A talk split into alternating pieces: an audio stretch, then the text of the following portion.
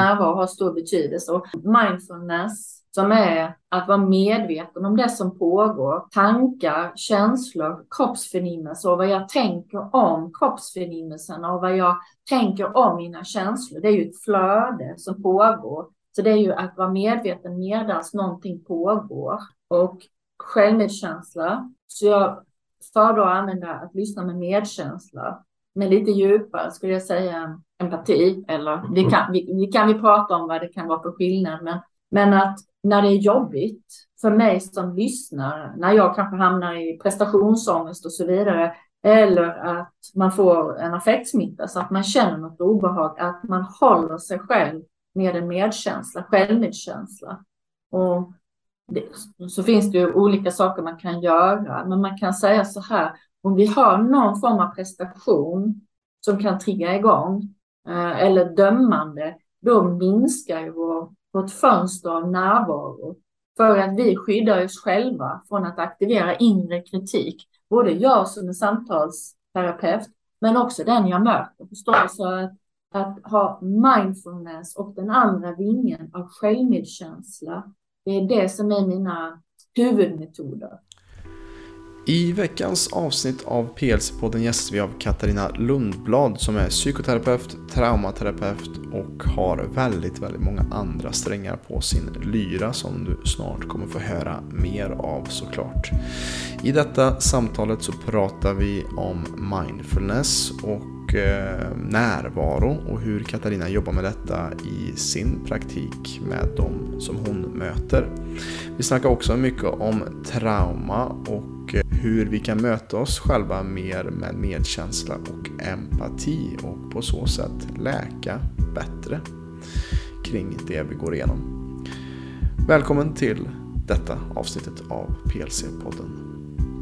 Och innan vi drar igång vill jag bara meddela som vanligt att detta avsnittet sponsras av pureness.se. Använd koden PLC-podden med 2D för att få 20% av på hela deras sortiment. Hej och välkommen till PLC-podden, podden som förändrar Sveriges syn på hälsa med mig Robin Hallsten. Idag är jag tillbaka med ännu en gäst. På andra sidan min Zoom-länk så sitter Katarina Lundblad som är psykoterapeut, traumaterapeut, lärare i mindfulnessbaserad stressreduktion och även författare faktiskt läser jag också här precis i min research innan vi körde igång här. Varmt välkommen Katarina till PLC-podden. Tack. Och, och, jag fick ju faktiskt ditt namn av en psykolog som jag träffade på här i Dalsland som sa att hon var inspirerad av ditt arbete. Så, så det var så jag eh, hittade dig faktiskt. Vad eh, spännande. Jajamän. Vill jag höra vem det var sen? Ja, men det kan, det kan vi ta efter, eh, efter vi är klara här. Men hur, hur känns det att vara inbjuden till PLC-podden och, och hur mår du idag? Jag mår bra mm. hittills. Mm. Och det känns bra hittills. Ja, skönt. Eh, och jag är lite också intresserad, du, din hemsida heter ju Lev nu. Eh, och, och, det känns som att det är också såklart, eh, du jobbar mycket med mindfulness och, och den typen av eh, arbete. Vad, vad var det som gjorde att du valde det namnet just Lev nu? Jag kommer faktiskt inte ihåg. Jag tror det var rent organiskt att eh, vad är det jag längtar efter? Vad är det jag gör? Mm. Så råkade det vara ledigt. Ja. Och det, det känns ju passande också med det som du jobbar med, med just uh, mindfulness och den biten också. Och det är lite det som jag tyckte var så intressant att läsa din resumé och de utbildningar du gått att, att uh, gå djupare in på i och med att podden ägnar sig åt att förändra Sveriges syn på hälsa. Och där ser jag att du har enorm erfarenhet av att möta människor på, på djupet och i samtal och med olika tekniker och för att se liksom hur kan vi ja, men hur kan vi möta människor bättre och på ett mer holistiskt sätt helt enkelt. Och, och jag är också nyfiken på hur startade det för dig om du vill kort berätta hur startade den här resan med att eh, ja, men, börja gå på retreats själv och, och utforska ditt inre själv också för jag antar att du har gjort det med med tanke på det jobbet som du också gör ute i världen? Ja, så Eh, redan som barn var jag intresserad tidigt. Eh, läste böcker. Eh, när jag flyttade till Lund 81 gick jag den första kursen. Jag gick olika kurser i meditation och yoga. Jag sökte någonting, men jag visste inte riktigt vad det var jag sökte. Ah, uh, jag var intresserad av många ämnen i den sfären. Uh, jag har rest väldigt mycket under många år i Asien. Det är ju en del av den här längtan mot sökande. Och så uh, jag kom i kontakt med ett ställe som heter Risk i Danmark 88 och då klickade det. Då förstod jag. Man hade ett helt annat förhållningssätt um, med meditation än det jag hade prövat på tidigare. Mm. Som var mycket mer lekfullt. Var också rörelse. Det passade mig. Det var, ja. Så eh, jag har gjort under de här åren otroligt många, otroligt många olika gruppprocesser. Mm. Olika kurser och det jag kom i kontakt med som jag skulle säga har varit betydelsefullt är att det har varit upplevelsebaserat. Just det. Och i början så eh, när jag träffade den här typen av terapeuter som jobbade. De var västerländska terapeuter, men de var också orienterade i eh, meditation. De hade förhållningssättet att vara meditatörer och använda sig av sin kropp. Och det mötet förändrade mitt liv kan jag säga. Mm. Och det är, men det är kanske 89 när det klickar in.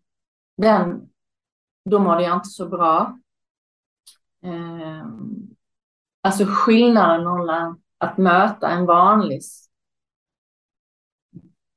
psykolog, terapeut och någon som själv har med sig erfarenhet av meditation och embodiment. Alltså, ja, det förändrar mitt liv. Ja, jag förstår det. För jag, jag är ju också en kurs, eh, Zen-coaching, som också är, just Zen-coaching är ju att coacha också från mer ett meditativt tillstånd lite grann. Mm. Och vad som är intressant är att jag hade en psykolog som hade praktiserat också, alltså klar, färdig psykolog, som gick den kursen ihop med mig. Mm. Och efter andra, det var fyra moduler, efter andra eller tredje moduler, hon bara, hon bara var helt, bara, varför har ingen lärt oss just vår egen kontakt med oss själva?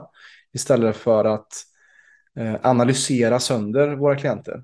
Istället för att med empati möta en människa i där de är. Istället för att vi ska sätta oss med armarna i kors och, och analysera och försöka se vad det är för fel på dem. Att kunna, kunna mm. mötas i empati och som du säger förkroppsligande att, att möta oss själva, att kunna gå djupt själva i oss själva för att kunna möta andra i, i ett, djupa, ett annat djup för att det är där vi kan läka också.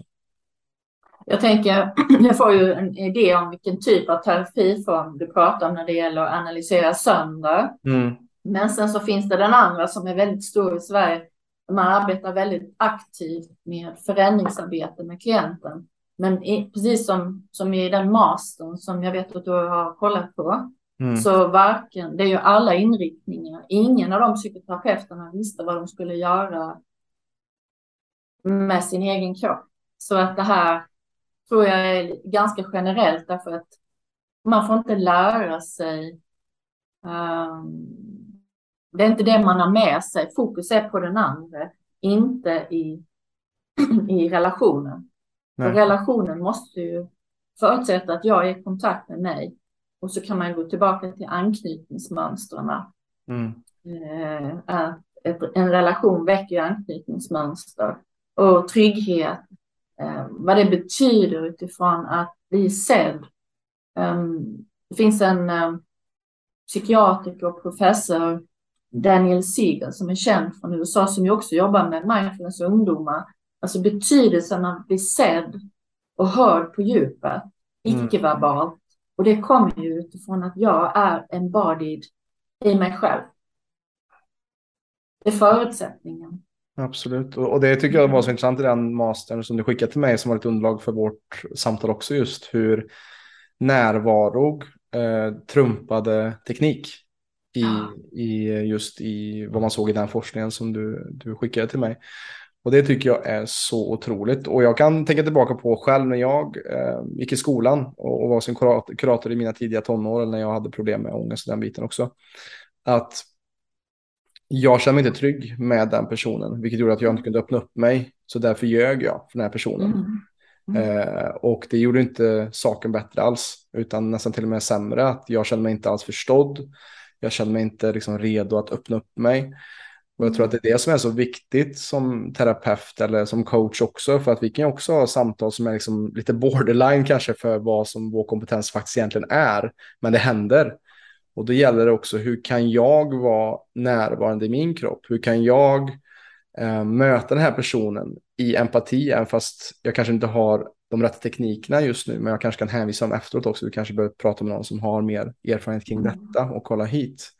Mm. Vad tänker du kring det just, hur närvaro i den här studien visar att är bättre än teknik till exempel då, att möta människor? Om vi bara säger att närvaro har stor betydelse så vi kan slippa bättre eller sämre, men att mm. närvaro har stor betydelse. Och du har inte nämnt det ännu, men jag är också lärare i eh, Mindful Self-Compassion, självmedkänsla. Mm. Och de mindfulness som är att vara medveten om det som pågår tankar, känslor, kroppsförnimmelser och vad jag tänker om kroppsförnimmelserna och vad jag tänker om mina känslor. Det är ju ett flöde som pågår. Så det är ju att vara medveten medan någonting pågår.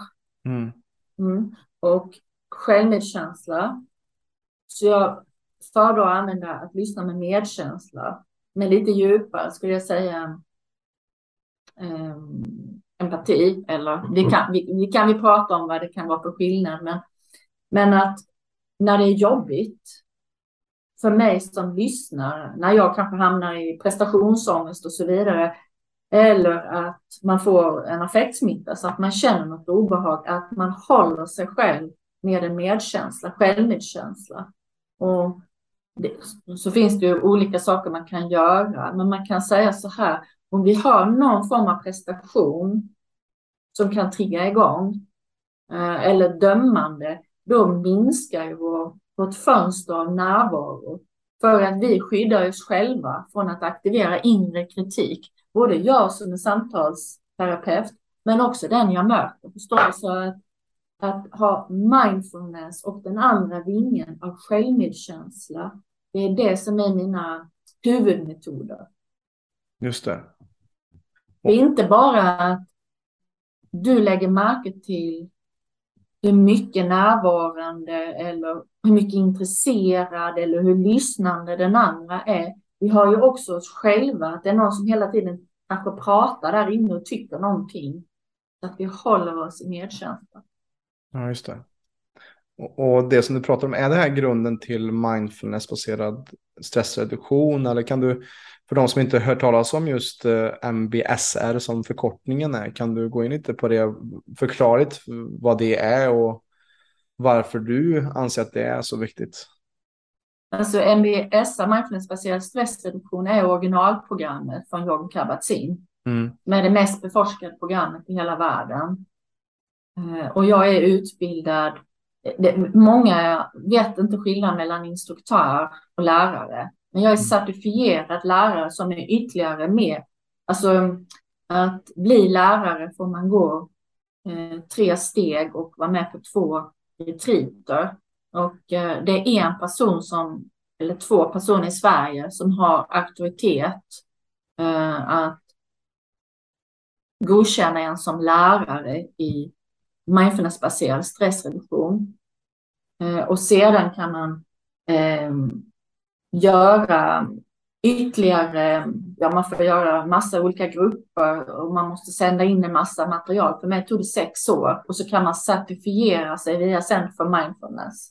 Mm. Du är certifierad lärare via Center for Mindfulness och det är inte så många som är det i Sverige. Men man kan säga att mindfulness har blivit, blivit liksom, alla använder sig av mindfulness. Och mm. alla har åsikter om mindfulness och, och, många tror sig veta vad det är. Eh, och så vidare, så vidare, så vidare. Och av någon anledning så har eh, i Sverige mindfulnessbaserad stressreduktion inte kunnat liksom nå ut. Okej. Okay. Ja, jag tänker för att um, det är också lite lätt. Um, alla övningar man gör är ofta lite längre. Vi säger, många känner till en kroppsskanning. 45 minuter är originalvarianten. Så att man kan säga att det är eh, lite mer utmanande program. Mm. Mm. Att det går djupare då också eller? Ja, ehm, det beror på. Det beror på vem man är som tar emot Exakt. det och det beror på vem som leder det. Just det. Mm. Självklart. självklart. Mm. Men vad, vad, är det som gjort att du har valt att dedikera just, som du sa, sex år och säkert ännu mer tid till just att bli certifierad lärare i detta och, och varför är det viktigt i ditt arbete? Ja, men det är en kvalitetsstämpel. Mm.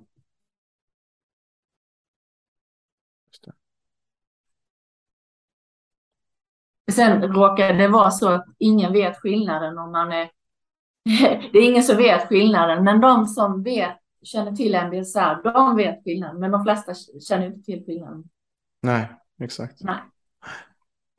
Och du, du har ju också nämnt eh, just retreat, eh, att, att man är tvungen att gå på det och tycker jag också intressant att jag själv eh, går på väldigt många retreats själv och, och ser verkligen nyttan i att vara bland andra människor i en gruppprocess eller lära sig någonting jämfört med om man skulle sitta hemma på Zoom och, och studera. Eh, för just att brygga lite som jag tänkte att det kanske var det som du kom i kontakt med där på slutet av 80-talet också är att, att gå från huvudet och också länka samman huvudet och kroppen för att det är oftast det som jag ser också vad som hindrar folk från att läka är att man är så mycket uppe i sitt huvud att mm. man inte tillåter sig själv att lyssna. Man är, man är liksom avhuggen från mm. Halsen och neråt. Och man är mm. inte ens medveten om ens kroppsliga sensationer. Och på så sätt så blir vi sjuka för att vi inte lyssnar på vår unika förmåga som kroppen har att läka. Vi lyssnar för mm. mycket på andra människor. Mm. Man kan säga att det är min specialitet som jag har gjort den resan själv. Mm. Det kommer ingen garanti bara för att man är utbildad i mindfulness att man jobbar med det här. Mm. Utan det är ju en, in, en inre förståelse att, um, och också gå djupare att se och höra, för man ser och hör och uppfattar. Personer själva vet kanske inte om att de är avsplittade. Är du med? Ja. Då skulle jag säga att det att jobba på den nivån är väl kanske den specialinriktning jag har för att jag har den eh, erfarenheten själv och det är så jag jobbar. Mm. Um, för de flesta jag träffar. Hur, igår till exempel var jag undervisade i en steg ett utbildning i mindfulness. Men man är här uppe. Mm. Och man, ja, man vet inte om. Och det är vi, vi som jobbar med andra människor är också väldigt ofta eh, uppe i huvudet. Absolut. Absolut. Ja, så, så eh, min erfarenhet är att jag möter många människor som jobbar med andra människor. Och de har också väldigt mycket i huvudet och de vet inte om det. Nej. Nej. Så det kan man säga det är min eh, special, en av mina specialnischer. Mm. Fint ju. Ja, men därför att det, det, föränd, det är det förändrar. Mm. Det är totalt avgörande. Du kan sitta och meditera här uppe. Alltså, ja, det är bra och det kanske känns skönt, men mm. det är något helt annat än att bara uppleva sig själv inifrån med hela kroppen. Precis. Ja. Och för någon som lyssnar så kanske shit, jag kanske är avstängd jag kanske inte är i så bra kontakt med min kropp som jag tror. Mm. Vad, vad skulle kunna vara ett verktyg eller någon prakt, praktisk sak som du använder dig av mm, eller rekommenderar klienter att göra för att just komma in mer i ett förkroppsligande? Jag kan, eh, alltså jag tänker det beror på vad man gillar. Mm. Eh, men jag kan ta som ett exempel mig själv. Jag idrottade jättemycket. Framförallt var jag väldigt aktiv under, under ända upp till gymnasiet i, i pingis. Jag var också väldigt med friidrott. Men det, jag var ändå inte kroppen. Nej. Så. Eh, vad hjälpte mig? Ja. Eh, fysiska meditationer. Det finns ju en som heter eh, medicine shaking till exempel. Eller mm. kundalini meditation. Den här man skakar. Mm. Dans. Att göra fysiska saker och efteråt kanske bara stå och känna i kroppen vad som känns. Eller om man vill lägga sig ner eller sitta. Men bara göra något idrott, göra, göra någonting som inkluderar en fysisk rörelse är ofta lättare att vara i kontakt med det interoceptiva, alltså inne i kroppen. Mm. Min erfarenhet. Men det håller jag med om också. Alltså, typ bland det bästa som jag vet att göra det är och springa på tom mage. Alltså mm. en eller två mil och så bara när jag kommer tillbaka och känner det här lugnet som är i kroppen för att jag har varit i min kropp och stampat ner i, i marken och springer på. Mm. Eller som all yoga, också all fysisk yoga, det förbereder sig för shavasana till det här. Mm. En shavasana hade inte alls varit lika skön om vi inte hade svettats och kämpat med krigare A B och C och mm. och upp och ner i eh, hunden. Liksom. Så att jag tror att det, och, och, att leka med de här polariteterna, att, att också leka med, med just vår puls, vårt andetag och att känna vår kropp och kanske till och med också via vad jag märker också, jag börjar också komma in mer på ljud. Alltså jag, jag har en gång här i min bakgrund där jag, mm. där jag använder och spelar gångbad för folk och märker hur ljud också kan öppna upp folk till att Eh, blir mer receptiva och inlyssnande. Mm. Att man skapar, att det skapar också en, en väldigt bra mindfulness-grej också. För att har du saker som låter så är det svårt mm. att tänka på annat. Vilket gör då mm. att man kan komma in i ett djupare meditativt tillstånd och man tillåts att komma ifrån kanske sina egna kritiska tankar och eh, saker som har skett eller stress kring morgondagen. Absolut, ljud är jättebra. Jag har själv klangskålar. Mm. En annan sak är att jag gör egna ljud. Mm. Eh, att det finns ju meditationer. Eh, man använder det också inom basal kroppskännedom. Eh, mm. Men att humma. Mm. mm. För då är det ju inifrån. För att alltså det är så lätt om man är om man mer är en huvudfoting jag läste en hemuppgift som någon skickade till mig. Ja, nu har jag, jag har gjort eh, gående meditation och så skriver hon hur hon känner hur armarna rör sig. Det är ju mer extroceptivt. Mm. Och jag kände fötterna så här, men, men vad är det som känns inuti? Så förstå, alltså det är en resa att ens närma sig hur det känns att dra upp armen, men vad är det som känns inuti kroppen? Mm. Det är en hel resa. En hel resa. Och det går ju inte att pusha det här. För vad är det som, är, som, som inte är kontakt? Det är den, den eh, brutna kontakten som kanske är eh, delar av kroppen som vi inte känner, att närma sig det. Delar av kroppen som är hypo. Alltså, du, du, känner du till toleransfönstret? Eh, eh, det, det gröna fältet Just det. menar vi är balans och mm. här kan vi tänka och här kan vi ta in information och det röda fältet är när det är mer hyperreglering. Mm. Alltså stress, varm, het stress. Mm. Och det blå är ju chock, trauma. Mm. När det är kallt, vi är avskärmade, mm. icke i kontakt. Så om man har mycket icke i kontakt så är man ju stum eller känner inte kroppen. Att börja att börja vara nyfiken på det, börja närma sig det, att börja inkludera de delarna också. Ja.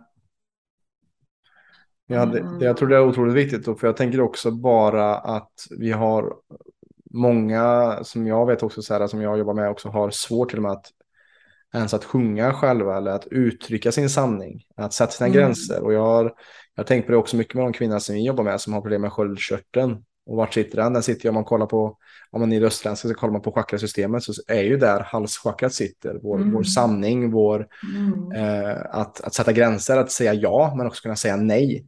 Mm. Och att det är många kvinnor som jag ser också den kopplingen, att det är många kvinnor som har gått över sina egna gränser för mycket för att ta hand om familjen eller man inte fått tillräckligt mycket hjälp eller man har blivit överkörd i, i jobbet eller vad det nu kan vara. Att jag kan se en koppling där. Jag vet inte om det, liksom, om det går att, bevisa det på något sätt, men att jag tycker det är så intressant. Och samma det med, med just som du sa om att humma, att det bästa instrumentet vi har det är vår egen röst. Och att vi själva kan komma till den här djupa stämman och komma ner bas, basen ner i vår rot och hur det också, om man kollar på effekten av andetaget också, att vår inandning är vår gas och vår utandning är vår broms. Och naturligt när vi hummar eller när vi, när vi sjunger så blir det en längre utandning, vilket gör att mm. vi kopplar på mer det parasympatiska, vilket gör att vi kan komma tillbaka till grön nivå som du snackar om, mm. istället för att om vi är i röd nivå, det är, det är en av de främsta grejerna jag, jag ger tips till mina klienter, att tekniker hit och dit, eh, meditationer och grejer. Ta ett par riktigt långa djupa andetag och blås ut luften längre än vad du andas in för att komma ner i puls och komma ner i, i stress. Men, men det, det, är som du säger att det, det är så lätt och, och, vi lever i en väldigt på något sätt, vi är ganska vilse som människosläkte i dagens samhälle skulle jag säga idag och det skapar också förvirring och eh, också att vi jag tror vi kanske aldrig varit så här traumatiserade som vi är också. Att, att det är väldigt mycket trauma som vi inte inser och som skapar just dissociation till kroppen. Att, mm. och, och, det i sin tur gör att vi kan göra skada mot vår kropp utan att vi ens lägger märke till det. För att vi är mm. så disassocierade. Och mm. Jag vet bara när jag gjorde min traumasensitiva yogautbildning att när jag fick läsa den här litteraturen av Bessel van der Kolk och just vilket mörkertal det är på till exempel sexuella mm. trauman och, och andra mm. trauman som vi mm. genomgår i, i vår barndom som vi kanske har trängt bort undermedvetet. Ja, eller vi förstår inte. Man tänker krig och våldtäkt och våld. Mm. Uh, jag ju, jobbar ju med traumasensitiv mindfulness också. Alltså det är ju anknytningsmönster. Mm. Det är ju en form av uh, eller brist i barndomen, det är också traumatiskt. Eller att generation, jag jobbar med det också, generationsöverförda trauman via i flera generationer, vi, ofta via anknytningar.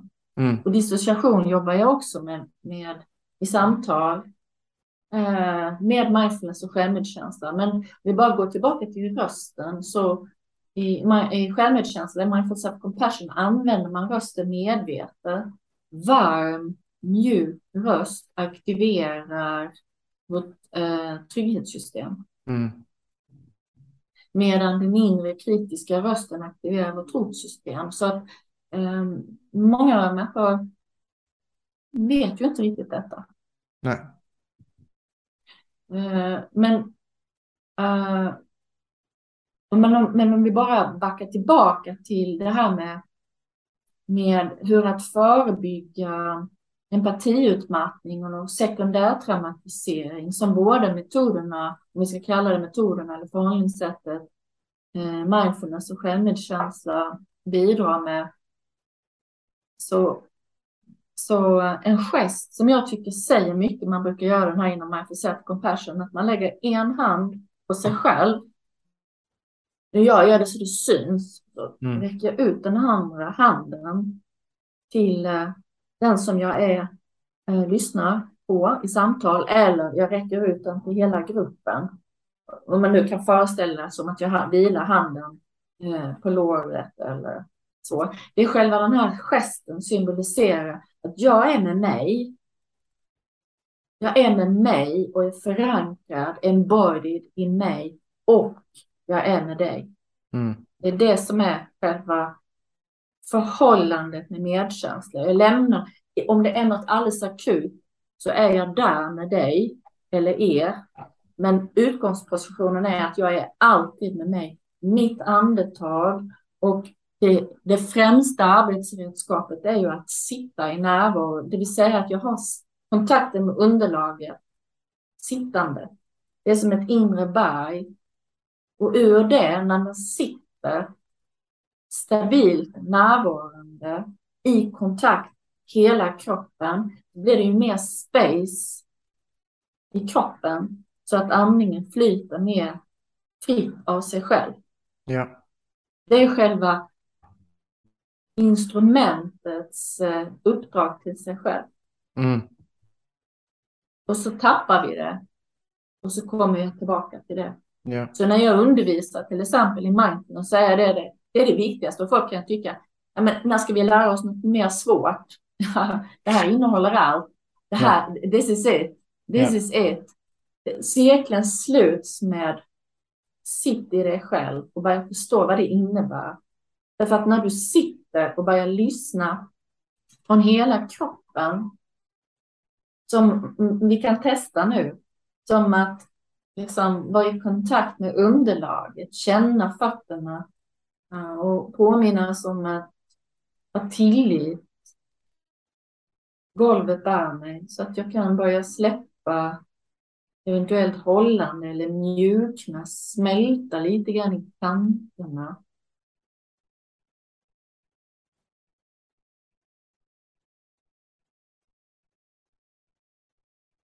Och att på samma sätt föra närvaron till del av låren och skinkorna är bara notera mjukhet, hårdhet, tyngd.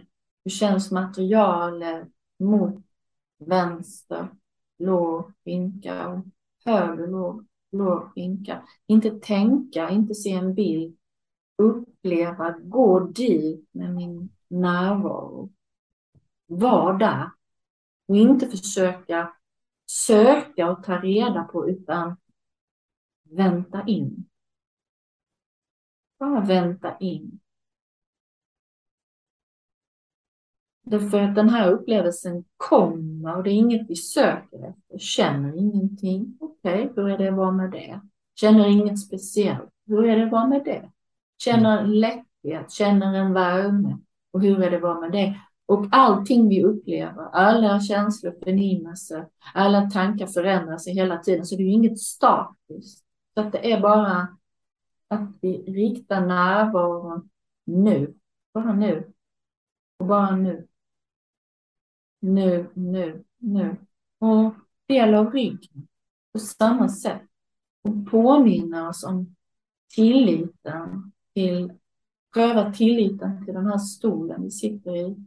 Prova, pröva tilliten till golvet. För att eventuellt hållande kan mjukna eventuellt vanemässigt hållande. Därför att när vi har medveten, omedveten stress för att vi har anpassat oss. Vi anpassar oss i familjen, till dagis, till fritids, till skolan, till arbete. Vi anpassar, anpassar, anpassar, anpassar, anpassar. Det här är ju någonting som eh, Gabor Maté pratar jättemycket om. Mm. Adaptation. Vi spänner oss, vi minskar det inre utrymmet. Det gör någonting med vår kontakt med underlaget. Så vi kan, vi kan hjälpa oss själva att komma tillbaka bara genom att praktisera varje gång jag står, släppa mot underlaget. Varje gång jag sitter börjar släppa. Därför att det är ett sätt att expandera inre utrymme inuti. Så att den här resonanslådan, min kropp, har mer space i lyssnandet och varandet med den andra, det andra. Och då kan vi också vara mer uppmärksamma på vad är det som händer i mig. Så när jag har ett samtal med någon så har jag med åren jag lärt mig känna vad som är mitt och vad är det som är den andra. Så jag använder det som händer i mig. Så jag noterar, jag hade ett telefonsamtal idag till exempel. Det här går ju via telefon också eftersom vi känner mer kanske med telefonen. Därför att vi inte förvillas av synintrycket. Så, så jag noterar att jag, det kommer kyla just nu i min kropp. Hur är det i dig? Till exempel, så säger jag om jag råkar känna i bröstkorgen, så säger jag till exempel i bröstkorgen. Mm. Så medvetande jag Ja, just det, nu när du säger det så känner jag, det blir en inbjudan att möta i, i toleransfönstret, i det blå fältet i hypo, är det ju ofta kallt. Det är ju något minne som är lagrat och så jobbar vi på den nivån. Och det är hela tiden medvetenhet, att utforska, inquiry, bara ställa frågor. Så hur är det där just nu? Är det möjligt att vara med det som är just nu? Oavsett vad vi tycker om det, är det möjligt att bara låta det som är vara just nu, precis så som den är. Så jag använder medvetenhet, mindfulness, självmedkänsla. Det är det som jag jobbar med. Mm. Det är helt fantastiskt. Och, så jag jobbar med mig själv hela tiden, samtidigt. Ja. ja. Kan du känna att du sitter annorlunda just nu? Eh, ja, alltså det var skönt. Det blev liksom en, som en kort meditation där. Men för mig så är poddandet, det är en form av meditation för mig. Ja, för jag stänger jag av mobiler.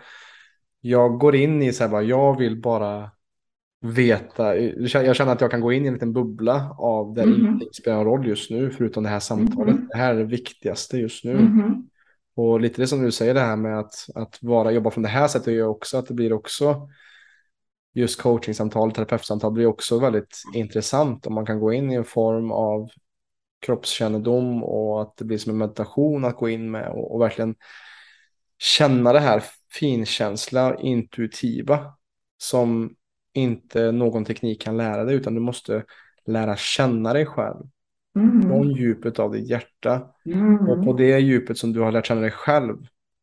På det djupet kan du hjälpa en annan människa. För är du har inte gjort det jobbet själv så är det omöjligt att gå mer från ytan ner in på det här. Absolut. Men det var, men det var jätteskönt också hur du formulerar också hur, hur många också går runt i livet och, och lever i ett konstant tankesätt av brist eller att saker är ute att, att för att ta min frihet eller vad det nu kan vara. Att man har... eller, eller överlevnad. Överlevnad, ja precis. För jag, jag vet mm, också, jag har, jag har en, en annan yogakollega som, eller som jag gjort retreats med som hon jobbade på BUP och kunde se med, med eh, anorektiska eh, unga kvinnor när de gjorde yoga eller mindfulness-baserad yoga med henne att i början när hon, när hon låg i shavasana så var det som att de svävade på golvet. Mm. Mm. Det var det jag tänkte på när du sa att, att tillåta sig själv bli hållen av marken mm. vi går på. Mm. Och efter ett par gånger av just eh, guidade avslappningar så började de smälta ner i mattan. Mm. Annars var de så rigida och höll på så mycket spänning.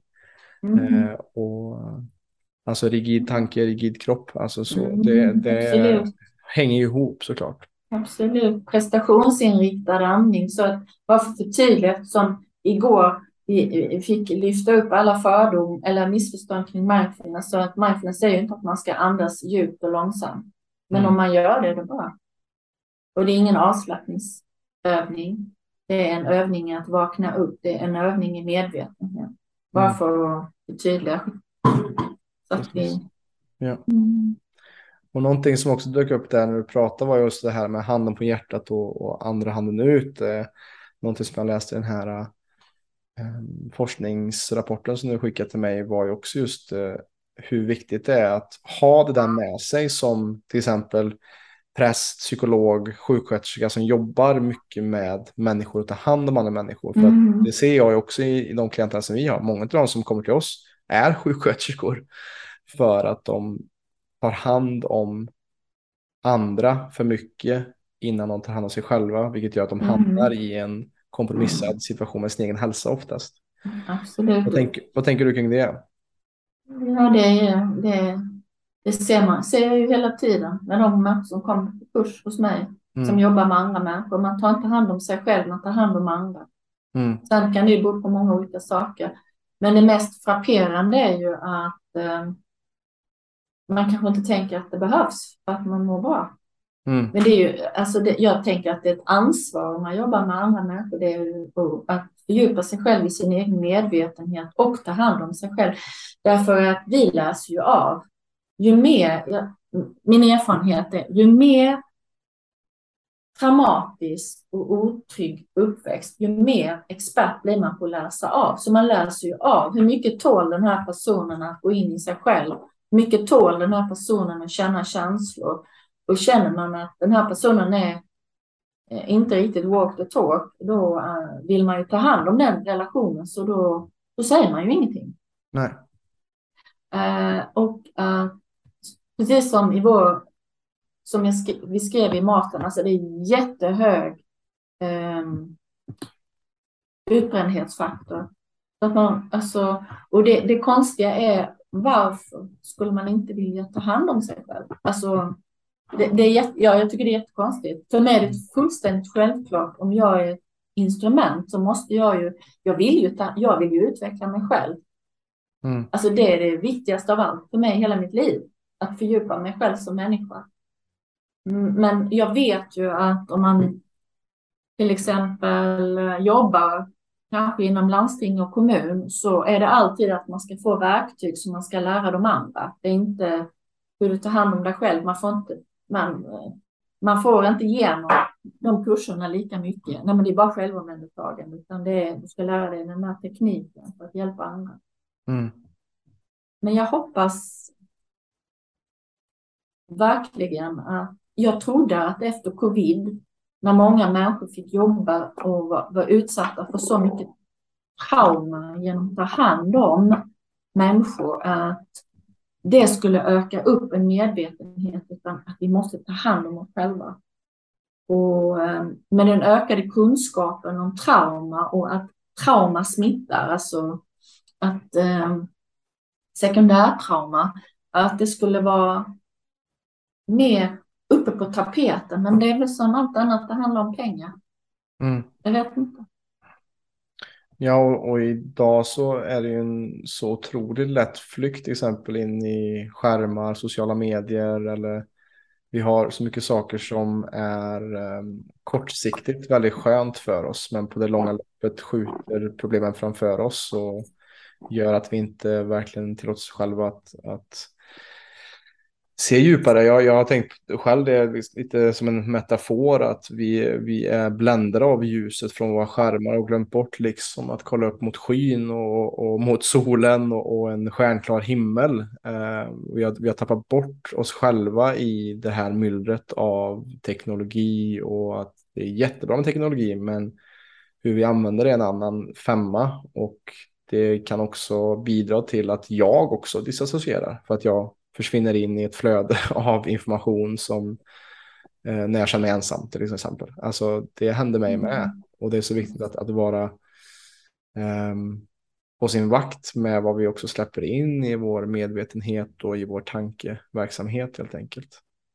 Jag tänker, det här är ju då för privatpersonen som var och en får liksom känna och ta hand om själv, men det är ju arbetsgivaren, det, det kanske inte lyfts upp mm. hos arbetsgivaren när man jobbar inom hälso och sjukvård, utan då ska man lära sig en teknik som är riktad mot den andra. Ja. Eh, jag har ju gått en steg två-utbildning. Det, fanns, det var inte en minut av självomhändertagande där. Nej. Det var, jag har också gått en steg ett-utbildning. Det fanns inte en sekund av självomhändertagande. Förstår du? Mm. Det, det är ingenting man satsar på. Och visst är det så intressant att... Ja, det är jättespännande. För, för att om vi inte själva är i balans, först och främst, hur ska vi då ja. kunna skapa balans utanför oss själva i våra relationer mm. och i, i andra? Om vi, om vi ständigt är på jakt utanför oss själva och ska hjälpa andra så uh, det är ju ett recept på katastrof. kan vi nog säga. Men det känns som att vi är inne på någonting där lite, för jag vill också höra ditt perspektiv lite kring det som du jobbat med och hur vi faktiskt kan förändra. Alltså i, i den här, kommer tillbaka till den här rapporten, att i, där skriver ni också 2009 så kostade psykisk ohälsa samhället 23 miljarder kronor. Och jag tror säkert att den siffran kanske är till och med ännu högre i, i, i, i tio år senare när vi ser till exempel ökningen eh, som också satt i takt med, förmodligen har det med sociala mediers intrång också och, och smartphones med till exempel att unga kvinnor mår väldigt dåligt, ännu sämre och även unga män också, men att, att det sker en lavin ökad psykisk ohälsa bland den målgruppen. Um, och hur vi också har liksom självmord och sånt också är överrepresenterat också bland till exempel män också. Att, att det är ju det som, är, som jag tycker är mest skrämmande med den psykiska ohälsan. Att en av de största faktorerna till att jag kommer dö i förtid är självmord. Statistiskt sett som man hinner, mm. utav, om det inte är av naturliga skäl när jag blir äldre. Mm. Um, så hur tror du, alltså det, det är ju groteska siffror, 23 miljarder. Och det var nästan 15 år sedan, säkert högre idag. Vad, vad tror du skulle behövas komma till för förändring när det kommer till hur vi ser på oss själva och på varandra också? Alltså jag tänker det här är ju framförallt organisatoriskt.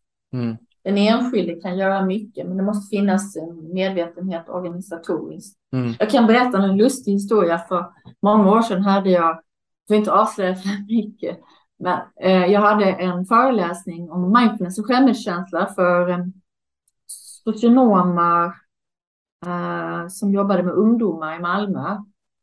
Och de uttryckte ett enormt missnöje mot sin arbetsgivare.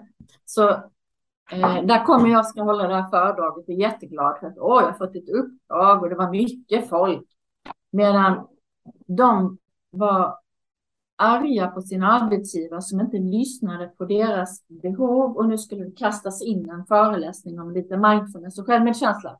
Mm. Så de, eh, en av dem, de ropar så här eh, högt ut om eh, mindfulness som opium för folket så att arbetsgivaren skulle få folk att jobba ännu mer. Förstår du? Ah, jag fattar ja. deras point. Mm. För uh, ungefär som att det läggs på individen. Mm. Så först, det måste komma på organisatorisk nivå. Mer komma i, i, som en självklarhet i, i uh, alla sjuksköterskeutbildningar som mm. en uh, självklarhet i läkarutbildningar, i alla, i alla psykolog socionomyrken. Skulle vara en självklarhet. Mm. Det skulle vara en självklarhet. Uh, så på den nivån, alltså utbildningsmässigt. Uh, och, och sedan en, en, behövs, ja, det behövs en förståelse för arbetsgivare. Mm. Och sen är det individen naturligtvis också. Så, mm. så det är inte allt läggs bara på individen på arbetsplatsen, utan eh, organisationen måste vara med på det. Men att säga som individ kan man göra jättemycket. Men det mm. handlar också om att förstå vad det liksom, ja, det finns rätt så mycket missförstånd om vad det här förhållningssättet. Jag möter många människor som har ett missförstånd om vad det handlar om. Mm. Att förklara enkelheten i det, att det inte är en sparmetod och det är inte att man ska eh, smaka på en apelsinklyfta och njuta bara, utan det är, och det är ingen, um, det är inte liksom att man inte ska tänka och det är inte att man ska andas på ett speciellt sätt, utan det är att leva sitt liv. Mm. Fast med ökad närvaro. Så att det är så ohyggligt mycket mer och vidare och djupare än ja, vad, vad många har uppfattat det som. Så, så, som om det kunde normaliseras, att det handlar om närvaro. Mm. Och närvaro eh, är, ju, är ju bra för alla. Ja. Hej min vän, Jonas här. Är du, precis som många andra, trött på dieter, kurer och kortsiktiga upplägg som aldrig funkar i längden. Du kanske tidigare har försökt göra en förändring kring din vikt eller ditt mående, men aldrig riktigt fått det att bli hållbart. I så fall så kommer du nu få chansen att lägga upp en realistisk och tidseffektiv hälsoplan som ska funka ihop med livspusslet under hela 2023. För på onsdagen den 28 december och 4 januari klockan 19.00 kommer jag hålla ett kostnadsfritt webbinar. Här kommer jag gå igenom nycklarna till hållbara vanor och hjälpa dig skräddarsy en plan för att skapa en balans kring alla hälsoområden. Om detta låter intressant så klicka in på länken som ingår i det här avsnittet. Men med det sagt, tillbaka till dig Robin. Ja, men det, det är det som jag ser är mest läkande när vi kommer till, till vår närvaro där vi inser att de problemen som vi tänker på eller har det är ju bara projektioner. Och som ni säger här, att, att skapa en högre intelligens och kunskap kring vad mindfulness är och hur det kan användas på ett eh, bättre sätt i, som ni säger, i friskvården, i sjukvården. Och att eh, utbilda djupare, men vi lever ju också som, alltså som i en ytligare värld där vi letar efter vad som ska fixa mig snabbt här nu. För att jag måste in i ekorrhjulet igen för att annars har jag inte råd med elpriserna här som är högre än någonsin eller vad det nu kan vara. Eh, och jag tror att det, det är väl det som är den stora frågeställningen i dagens samhälle där saker bara snurrar snabbare och snabbare, att vi inte har tid till oss själva och vår egen läkning och som jag såg också att du har gjort många så här tystnadsretreat, alltså tio dagar i komplett tystnad och du har säkert stor erfarenhet i hur läkande just tystnaden är, pausen är och att komma i djupare kontakt med närvaro. Att det är något som saknas i dagens samhälle, just den här tystnaden, för att vi också som jag sa inne på tidigare, att vi har alltid en skärm som vill ha vår uppmärksamhet och som är till och med fabricerad och konstgjord för att vi ska fastna framför dem som flugor drar sig till skit ungefär. Det kan också vara väldigt konfrontativt eh, att vara på en tyst retreat.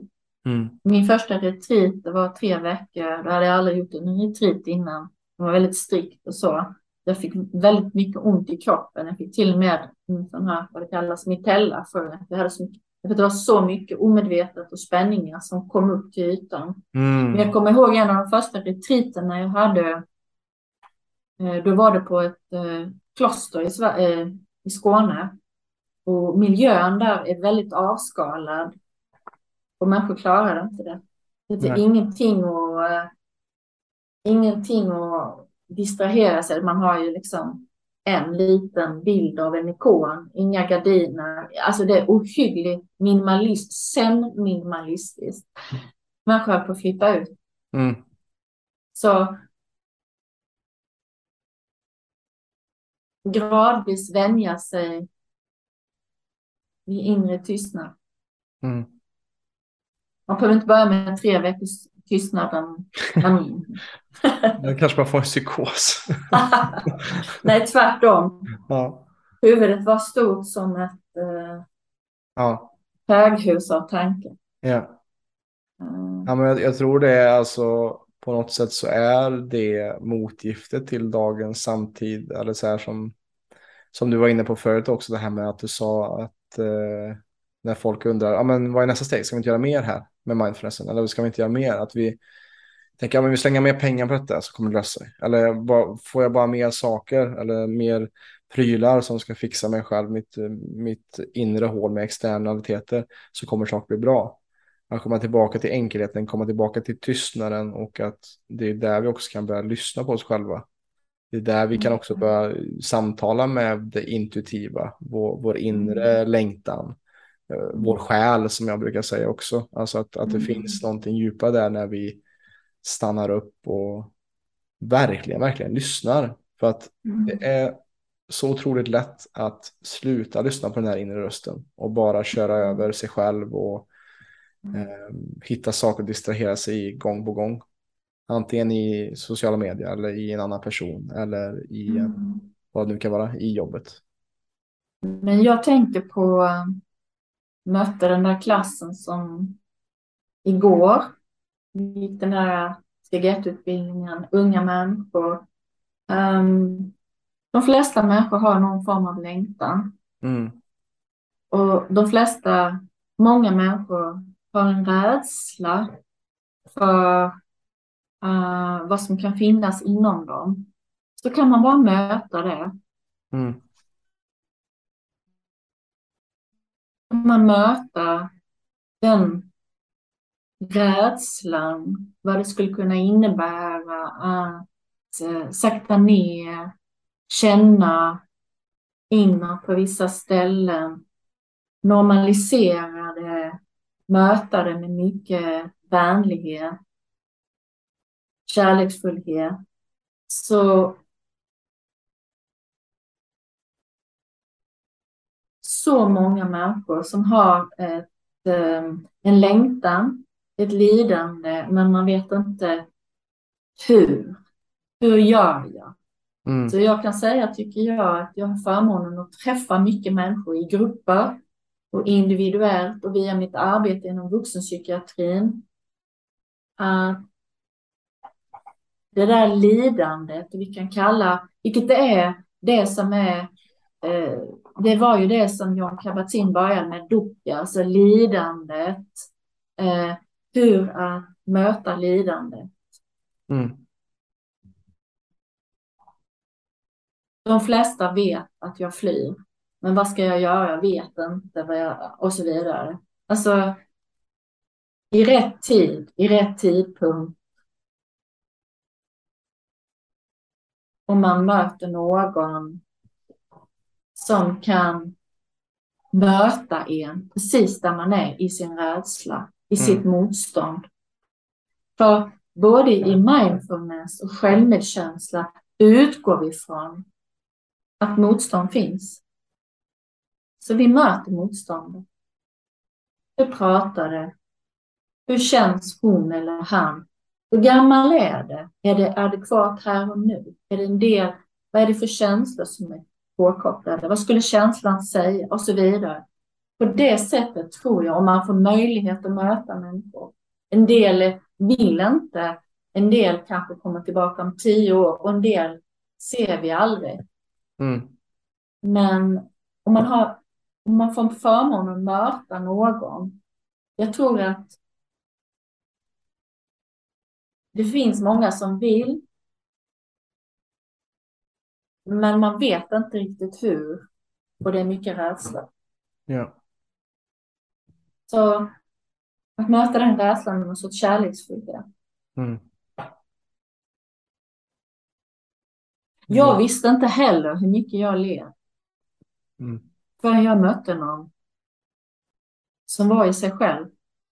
Som kunde spegla mig. Och då hade jag gått i terapi innan. Mm.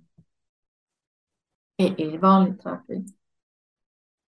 Så jag, jag är en av dem på ett sätt.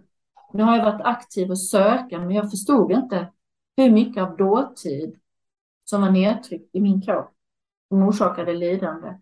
Det hade jag ingen aning om. Nej. Och då är vi tillbaka igen. Att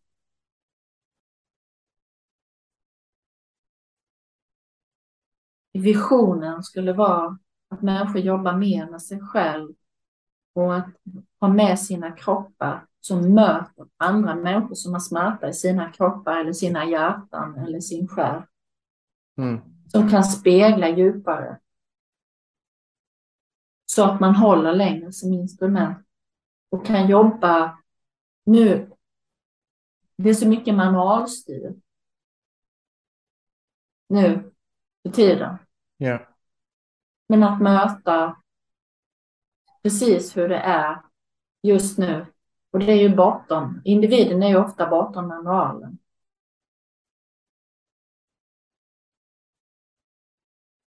Exakt, och, och som du säger att vi har så mycket undermedvetna program som bara styr oss. Som vi, ja. inte ens, som vi inte ens kanske är medvetna om hur de påverkar oss på ett negativt sätt. Och, och det är i speglingen med andra människor. Jag tror därför relationer är så svåra. För att yeah. vi lätt att vi skyller våra, våra saker på våra partners istället för att se att okej, okay, det här är någonting som förstärks i mig när jag möter det i en intim relation, vad det kan vara. Så... Eller har vi ett program där vi lägger all skuld på oss själva, hamrar på oss själva, yeah. och känner skam och drar oss undan, vilket vi också jobbar med i både mm. självmedkänsla och i mindfulness, att vi jobbar med vad är det för core beliefs som aktiveras. Mm. Och var någonstans i kroppen kan jag känna den här core beliefen som är aktiverad. Mm. Och finns det någon annan del av mig som kan se den här delen utan att döma, värdera. Jag jobbar också, jag är väldigt inspirerad av eh, Internal Family System, Richard Swartz, som kommer med meditation och mindfulness. Han jobbar med avsplittrade delar, eh, trauma. Eh, att hela tiden um, det är ofta olika delar av oss som är väckta och olika delar av oss är kanske i olika tidsåldrar. Är du med? Mm. En core belief är ju en en känsloladdning som sitter djupt i oss som kommer tidigt, tidigt i livet. Ja. Ja, det är någonting som jag har uh, hört också med andra lärare som jag har varit med, just delpersonligheter, att vi skapar Ja. olika... Som vi säger, skapar inte det, skapar som ett försvar. Precis, som en splittring. Mm, mm. Mm. Det jobbar jag jättemycket med. Mm. I grupp, alltså individuellt jobbar jag väldigt mycket med det. Mm. Men också i mitt arbete inom psykiatrin så kanske jag möter människor som har dissociativ personlighet. Just det. Mm. Så alltid medvetenhet, kärleksfullhet, vänlighet och förståelse av hur trauma splittrar. Mm. Och hur trauma är att vara i dåtiden och att dåtiden är kvar i kroppen. Ja, Mm. så viktigt. Ja, Så otroligt viktigt. Hur vi lagrar saker och hur vi... För det är också så att jag såg också att eh, TRE fanns, alltså David Bersellis jobb också med att just jobba med trauma release exercise, att du har gjort det också och att det får mig inte i sig heller. Men just att, att jobba med Mm. kroppen. Att, att, att tillåta sig själv att släppa och till exempel med jobba med, med käkarna och vagusnerven och, och jobba med psoasmuskeln där vi liksom när vi när vi freezar, när vi, när vi går in i kampflykt så är, vi, är det ju de ofta som kommer i kläm eller de som stänger av eller fryser. mm. Det är så otroligt viktigt att läka trauman är, går ju oftast via kroppen och precis som Bessel van der Kolk upptäckte att med Vietnamveteraner på 70-talet att det var jättebra att få dem att prata om det. De pratade om vad sina, sina bekymmer och vad de varit med om i kriget men till slut så blev det bara att de mot sig, själva. För att de visste de hade en samhörighet, de hade en känsla av community med andra människor men de satt bara och pratade om vad som hade Mhm. hänt. Och Mm. på så sätt så kan inte hjärnan skilja på nutid och dåtid. Och att då behövdes det en ny teknik och, och som, som han också skriver i boken just att Prozac kom på 90-talet bara oj nu, kan, nu mår folk mycket bättre, nu kom antidepressiva. Men att det också hjälpte bara till en viss del för att det gjorde folk istället för avtrubbade. Och sen så var, var ju, kom man ju på det, det är ju vägen inom kroppen som vi måste gå. Måste Mm. processa de sakerna som vi lagrar, tankar och känslor och minnen framför allt också.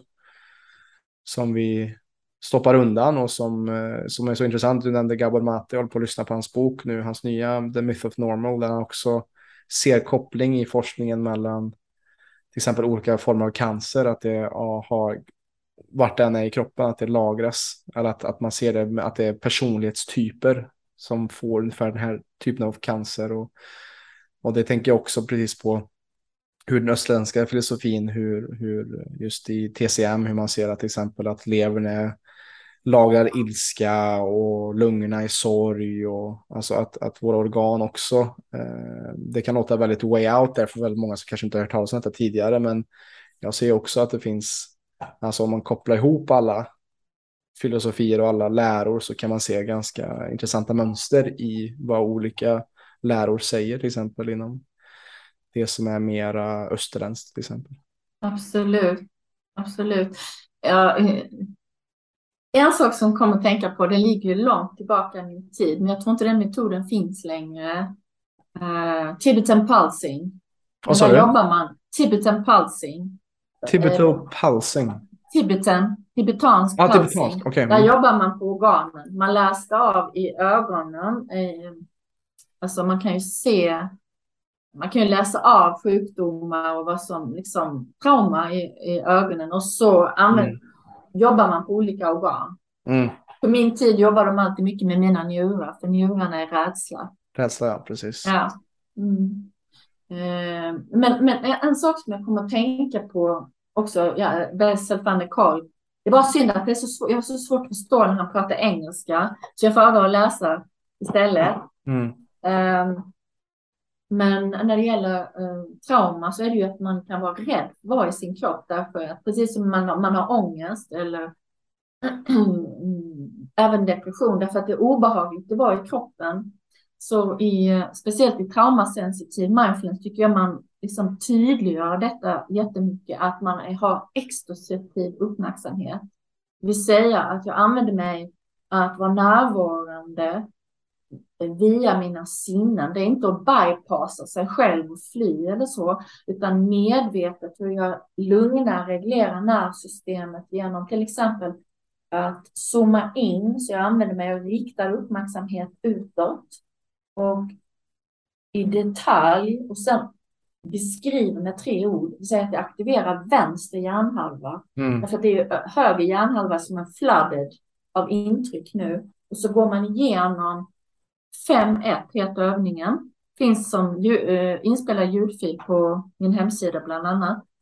Uh, det är syn, det är hörsel, känsel, doft och smak. Mm. Hur man kan både um, jobba med dissociation, hur man kan jobba. Igår på den där klassen, på steg 1-klassen, så blev det en som hade ångest.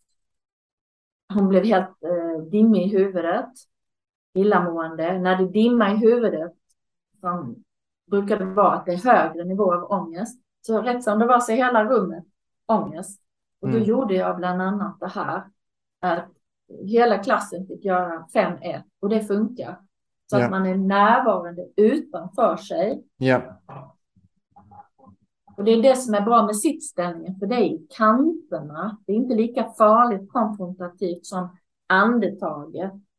För andetaget kan vara väldigt stressande för många, så man behöver inte känna sig tvingad av att man ska andas. Att det är ett ankare, utan man kan ha handens eh, vilande mot låret. Det kan vara ett ankare eller ljud, syn. Så att man har, man har alternativ. Och det är väldigt viktigt med trauma också. För trauma innebär att du, inte, du blir överväldigad. Du har inget alternativ.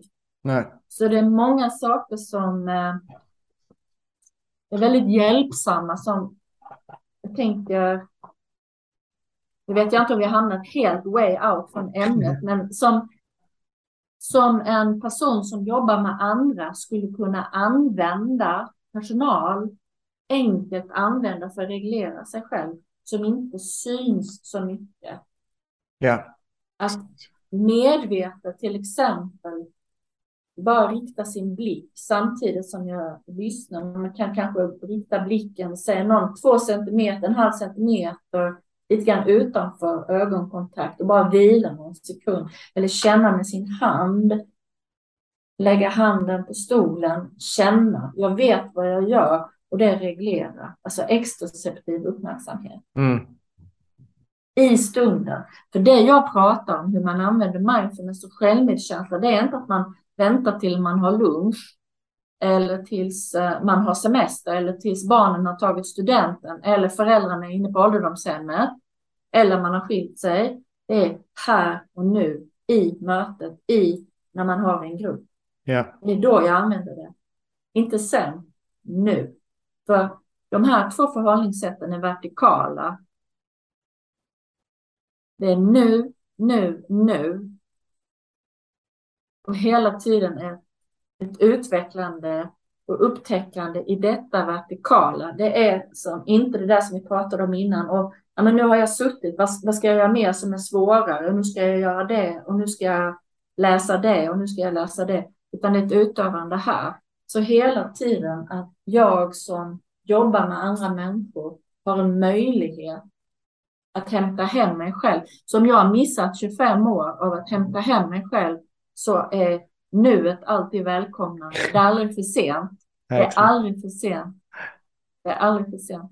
Jag tycker det är så vackert det du är inne på här nu också för att det är just det som eh, är bland de viktiga sakerna som jag säger till mina klienter att som jag också nämnde tidigare, jag tror också just det här med andningstekniker i all ära, men alltså att ta med sig det man gör i meditationen. Meditationen är din träningsarena. Livet är det riktiga arbetet. Mm. Att skapa först ett lugnt space och kanske ha en, ett uh, meditations, dedikerat meditationsställe i, i ditt hus där du kan hitta lugnet. Men den riktiga arbete, det riktiga arbetet börjar när vi ska gå därifrån. Inte mm. att det är någonting som är separat från våra liv, utan det är något som är inkluderat och vår träningsanläggning för att kunna behålla det lugnet, den medvetenheten i mötet med en annan människa, även när du kanske står och blir utskälld. Vad händer i mig nu? Vad händer i mig mm. nu? Och vad, vara nyfiken på det. Och jag vill också gå tillbaka till det du sa där också, just kan jag komma tillbaka till den vänstra hjärnhalvan, den, den logiskt tänkande också, hur viktigt det också är. Eh, och, och, som också Bessel snackar om just det här att komma tillbaka till frontalloben. Det är därför man får säga så här, räkna, från, räkna ner från tio eller ta tio djupa andetag för att då kan hjärnan hänga upp sig på någonting som är logiskt och rationellt. Medan när vi går in i trauma eller dissociation så går vi in i, jag vet inte vad det heter på, på svenska, men han skriver anterior singular cortex tror jag det heter. Att man går in i just stress, en annan del av hjärnan till och med. Mm. Eh, och det är därför också när du är nära på att vara inne i en eh, kampflyktsituation, om du står, om du, om du någon gång varit i slagsmål, eller varit, du kanske varit lugn men du varit med en person som har varit väldigt aggressiv. Du märker eh, en av de viktigaste sakerna att, att ha uppmärksamhet på om du möter de som är aggressiva är att om de börjar upprepa samma ord om och om igen då vet du att nu är de med i sin anterior single cortex. Du är inte längre frontalloben. Nu är det kodröd för att de har stängt av här nu. Nu är de redo att attackera. De tänker inte logiskt längre. De är inte i sin vänstra hjärnhalva. De är så som Daniel Siegel, The Hand Model. Känner du till den? Nej. Den. Nej. Då är man flip the coin. Mm. Då är det liksom bara skrik rakt ut. Mm. Man brukar, nu kommer jag inte riktigt ihåg, men hjärnstammen. Mm. Det limbiska. Just det, och för er som lyssnar så visar hon nu väldigt fint med sin hand. Men, vi, men ja, vi kan vi, gör fortsätt. Jaha, vi, ja. jag har fått för mig att jag syntes. Och jo, här det, det syns, men, men de flesta lyssnar på Spotify just nu. Okej, okay. ja. och så när det börjar bli jobbigt så, så tappar vi tappa här. Mm. Ja, så vad är utövandet som vi pratar om? Ja, det är ju att det börjar bli liksom, man börjar Första tecknet är att man blir liksom, det är i armar och ben, det börjar bli liksom spänt. Yeah. Nummer två, börjar kännas obehagligt i magen, i bröstkorgen, kanske illamående. Nummer tre, att det susar, man, mm. dimmigt. Så att man kan till och med börja känna igen, vara medveten om att nu är det, börjar det bli dimmigt. Mm. Och nu börjar det bli dimmigt, är ju någon som är medveten om att det börjar bli dimmigt. Så det finns fortfarande space att notera det och det. Och vad kan jag göra för att ta hand om det? Bara det, att vara medveten, alltså att ha med sig um, inquiry, ut, utforskande frågor kommer ju någon annanstans. Det är inte dränkt av det som pågår. Sen kanske jag kommer på att man kan hålla så här till exempel.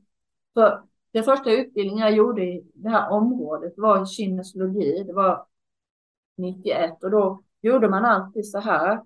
Så nu alltså, håller Katarina en hand på pannan och i, en i bakhuvudet för er som lyssnar. Och då kunde man spela upp minnen som var obehagliga. Så då fattade ju inte jag riktigt, förutom att det kändes skönt mm. och stabiliserande. Men nu fattar jag ju. Det här är ju bakre delen av hjärnan, den gamla. Och här är ju att behålla neokorten. Mm. Men det här kan man göra själv. Det här är Peter, eh, vad heter han nu? Peter Levin. Just det. Det är inte han som har kommit på det, men han pratar om det. Eller hur man kan lugna, reglera genom så här. Alltså enkla saker. Det, det, så där praktiskt jobbar jag i samtal hela tiden. Mm. Ibland får jag när det inte när någon, ibland kan man göra så här att man ber någon testa för man själv behöver det. Så kan man ju också göra, eller hur? Mm. Bara testa att göra så här. För mm. att just jag behöver det i stunden så jag kan hämta hem det mer. Mm. Och där kommer jag att tänka på någonting ännu mer viktigt när jag tänker på den där klassen jag mötte igår när det var så där uh, affektsmitta i rummet och väldigt mycket stress, mer rädslebetonat. Om vi jobbar med människor som har mycket av rädsla eller mycket av hotsystemet. Om det är en person och vi träffar många eller vi träffar en grupp. Alltså, det är ju väldigt lätt att sugas in i det. Men har vi övat och har med oss att stå i kontakt med oss själva och underlaget och ha en medvetenhet att nu har jag åkt ut, nu tappar jag kontakten så kan jag ju komma tillbaka. För om jag skulle åkt ut igår till exempel så skulle det inte varit någon i rummet som var närvarande. Så vem ska man då vända sig till för att hämta hem sig själv om alla är smittade. Ja. Så det är där igen att den oerhörda betydelsen av det icke-verbala, att det är någon som vi möter i sjukvården, i, eh, på vårdcentralen, i psykiatrin, som man kan vila med, som är, som är i kontakt med sig själv, som är klar. Det blir mm. ju liksom, det blir någonting att hämta hem sig själv i. Ja. Och det har ju en hälsosam effekt och en, en grund för tillit och trygghet. Det ger trygghet ju. Absolut. Och vad är det vi behöver? Precis som du började för en stund sedan när du sa att du skulle gå i samtal. Du tror du sa när du var i högstadiet eller något sånt. Ja. Alltså vi behöver ju någon vi känner oss trygg med. Och närvaro brukar ju vara att vi känner oss trygga om någon är närvarande. Om det är ögon som är klara, som ser, inte ögon som är tänker på något annat eller lite grann på väg eller lite stressande. Det här känner vi ju. Alltså vi känner ju det finns ett begrepp som heter neuroception. Vi skannar av på någon tusendel sekund mun, röst, hur förankrad rösten är och ögonen. Det här går blixtsnabbt. Mm. Kan vi vara mer i oss själva så gör vi ett gott jobb för oss själva för eh, förebyggande och fördjupande av oss själva och gör, ett, gör något gott för våra medmänniskor som vi träffar i affären eller på fiket. Inte för att vi ska göra, gå omkring och vara, liksom, göra gott för allt och alla, men det är någonting som eh, bidrar. Och framför allt med dem vi möter i vår yrkesroll. Ja, kan bara instämma på det. För att det, jag, jag, tänker också så här att eh, någonting som jag lärt mig av det arbetet som jag gör och, och det som du pratar om är också så här att jag försöker också ha det i min vardag. Att hur kan jag skapa så lite stress och kaos i andra människor när jag betalar min mat? Eller alltså det kan vara en mm. sån enkel sak, alltså när jag är i en butik. Alltså vi alla tror jag, eller i alla fall de som är, kan känna in, eller som är lite mer högersensitiva kanske, kan känna in det när man går in i ett rum om det är någon som är arg eller om någon... Det om tror jag det... de flesta kan, fast jag de tror, kan ja, inte ha sagt ord på det. Nej, precis, men man kan känna, okej okay, det är ett lugn i det här rummet, eller det är, mm. här, är det, här är det konflikt, här är liksom någonting som är, här ligger en hund begraven. Mm. Och på något sätt, som jag sa med meditation också, att det är ju det som är en stor del för mig, att centrerar jag mig själv så kan jag sprida mitt lugn Förhoppningsvis. Lyckas inte alltid, men, men att ta med mig det ut och försöka skapa en, en lugnare, harmonisk omvärld. Att, att precis som att vi, vi, det är inte, världen är inte alls som vi ser den, eller som alltså vi tolkar det genom så många filter. Och ju mer vi kan skala av och komma från ett lugn och en tystnad i oss själva, desto lugnare och tystare kommer den vara tillbaka mot dig. Mm. Och ju mer du kommer från en del av stress så kommer du också attrahera in mer stress i ditt liv. Det är jag alldeles säker på, för det är exakt min resa som jag har märkt. Mm. Mer sånt här arbete jag gör, ju mer kurser, ju mer retreats jag går på och förkovrar mig i de här ämnena, desto lugnare blir mitt liv och blir också mer bättre på mina egna villkor. Inte att det blir perfekt, men att det är, en, det är mycket bättre än vad det var än utan det här inre arbetet som man har lagt ner på att försöka kultivera det här lugnet och tryggheten i sig själv framför allt. Att veta att med det som du berättar om, alltså om vi har en inneboende tro på att jag fixar mig genom det här. Jag fixar genom livet för jag har tagit mig så här långt. Och jag, jag har verktygen ifall saker skulle gå åt helvete. Eller om saker, om jag skulle hamna i en knipig sits. Och på något sätt så gör det att hela mitt nervsystem kan slappna av och inte vara på tå jämt och vara i redo att attackera ett yttre hot. Jag tänker också att eh, i eh, till exempel eh, både med självmedkänsla där man lägger mycket vikt vid att odla, kultivera glädje och tacksamhet och njutning, att lägga märke till i vardagen njutning, också i mindfulness, i ehm, åtta veckors programmet i MBSR så är man ju under en vecka, alltså, så du kan, sen kan man ju ta med sig det resten av livet, men en vecka bara börja lägga märke till eh, behagliga förnimmelser. Um, Nästa vecka övar vi obehag. Därför att vi missar behagligt. Och eftersom hjärnan är byggd för hot så är det mycket starkare. Så att vi lägger mycket mer, vi liksom, uppmärksamheten dras som en magnet mot det som är obehagligt.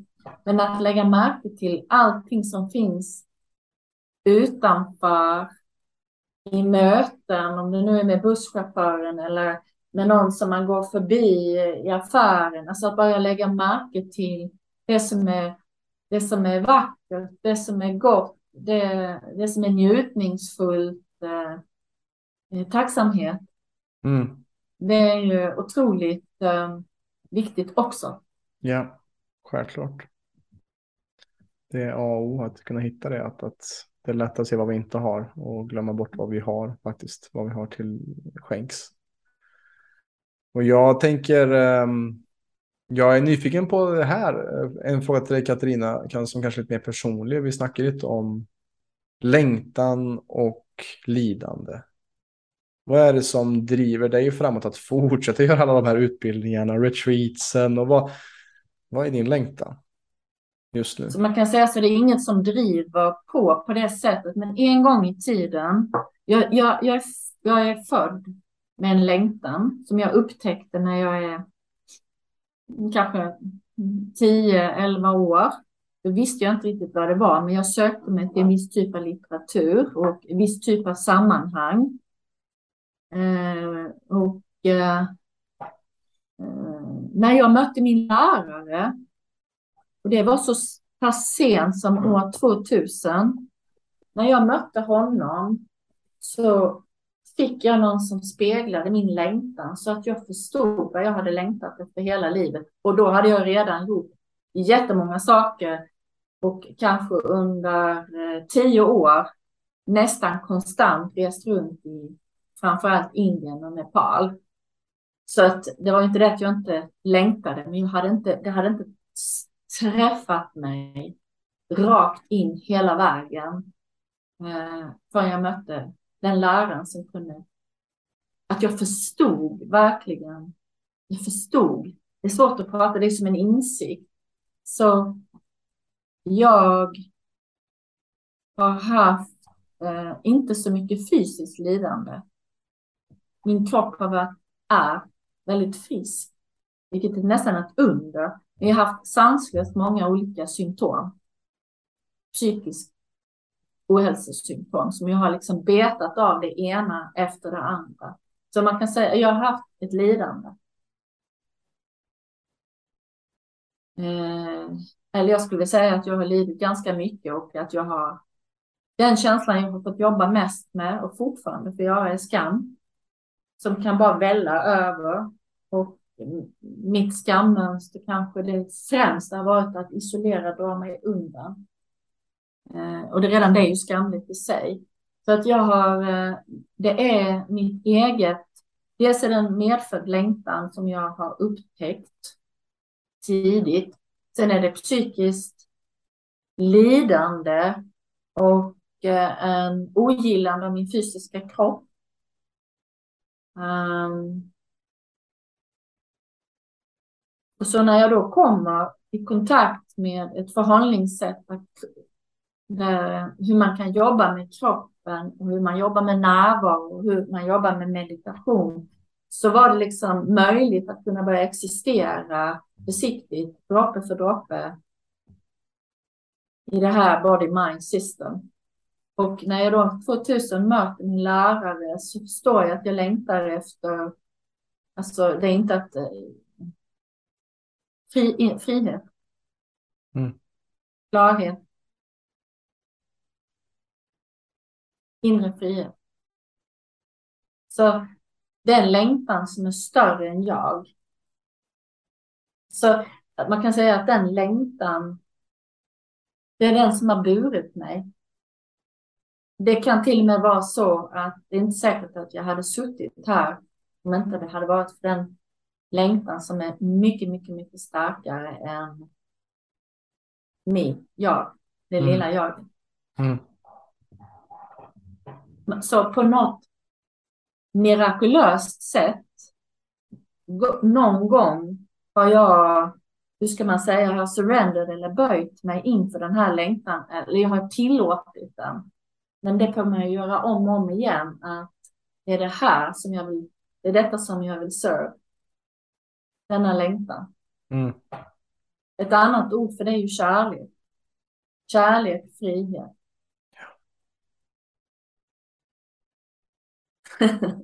Ja. det är kul att se hur du också lyser upp när du pratar om detta, den här längtan. Ja, därför att det, mm.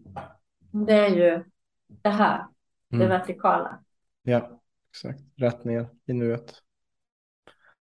Och det är det på något sätt när vi börjar prata om vår längtan som kan vara lite läskigt och som kan vara, kan vara ett lidande i att vi längtar men ju mer vi pratar om saker, desto mer blir det levande på något sätt också. Att vi, vi vågar använda vår röst som vi pratar om, och vi vågar sätta ord på det.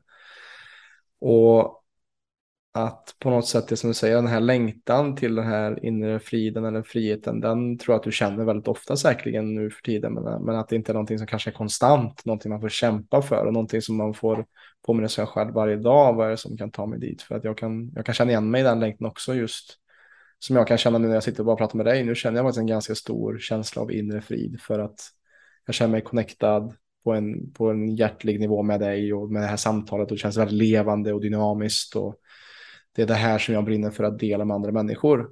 Och det är en del av min längtan att inspirera människor via mitt tal och andras tal och inspirerande människor att, att få ta del av och lära sig och utvecklas och att på något sätt lära sig förstå det här mysteriet om att vara människa på något sätt.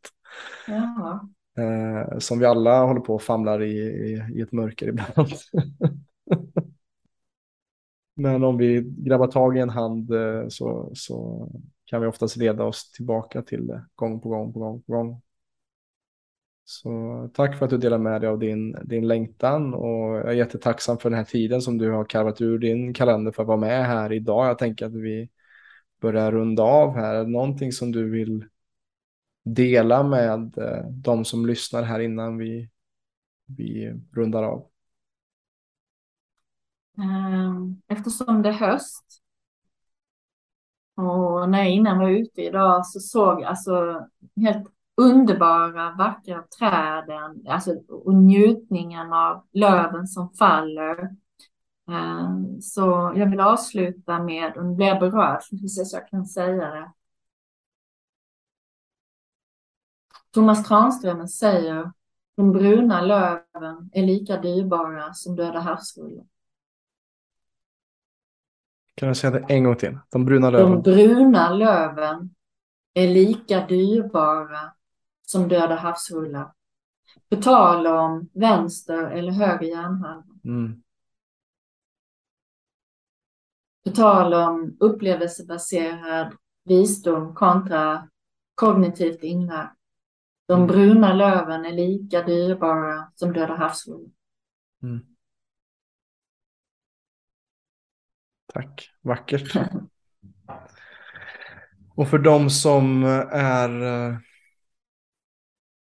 nyfikna på mer Katarina Lundblad, vart eh, hittar man dig och hur kommer man i kontakt med dig? Man kanske också vill eh, jobba med dig också. Men man hittar mig på min hemsida levnu.net. Mm. Och, och, och, jag har redan glömt om jag har sagt det, men om man bara är intresserad av att testa någon ljudfil, till exempel i eh, den här övningen med extroceptiv uppmärksamhet, om man vill bli guidad i den. Det finns olika, det finns eh, i mindful eating eller i traumasensitiv eller interpersonell eller eh, självmedkänsla eller mindfulness. De kan mm. ta, testa någon kort övning bara. Ja, det är gratis. Kan ta och länka det kanske i beskrivningen av det här avsnittet också där du kan hitta henne och kanske någon gratis övning du kan pröva just för att gå djupare i dig själv och hitta mer närvaro i din, ditt nu. och för dig som har lyssnat idag vill jag tacka för att du har lånat dina öron till oss. Och har det här varit inspirerande, har det här äh, varit intressant och kanske upplysande? Och du känner att shit, det här vill jag dela med mig av till någon annan. För all del gör det. Dela med dig detta till när och kär så att vi med stadig, rask takt kan förändra Sveriges syn på hälsa. Stort tack för idag Katarina. tack.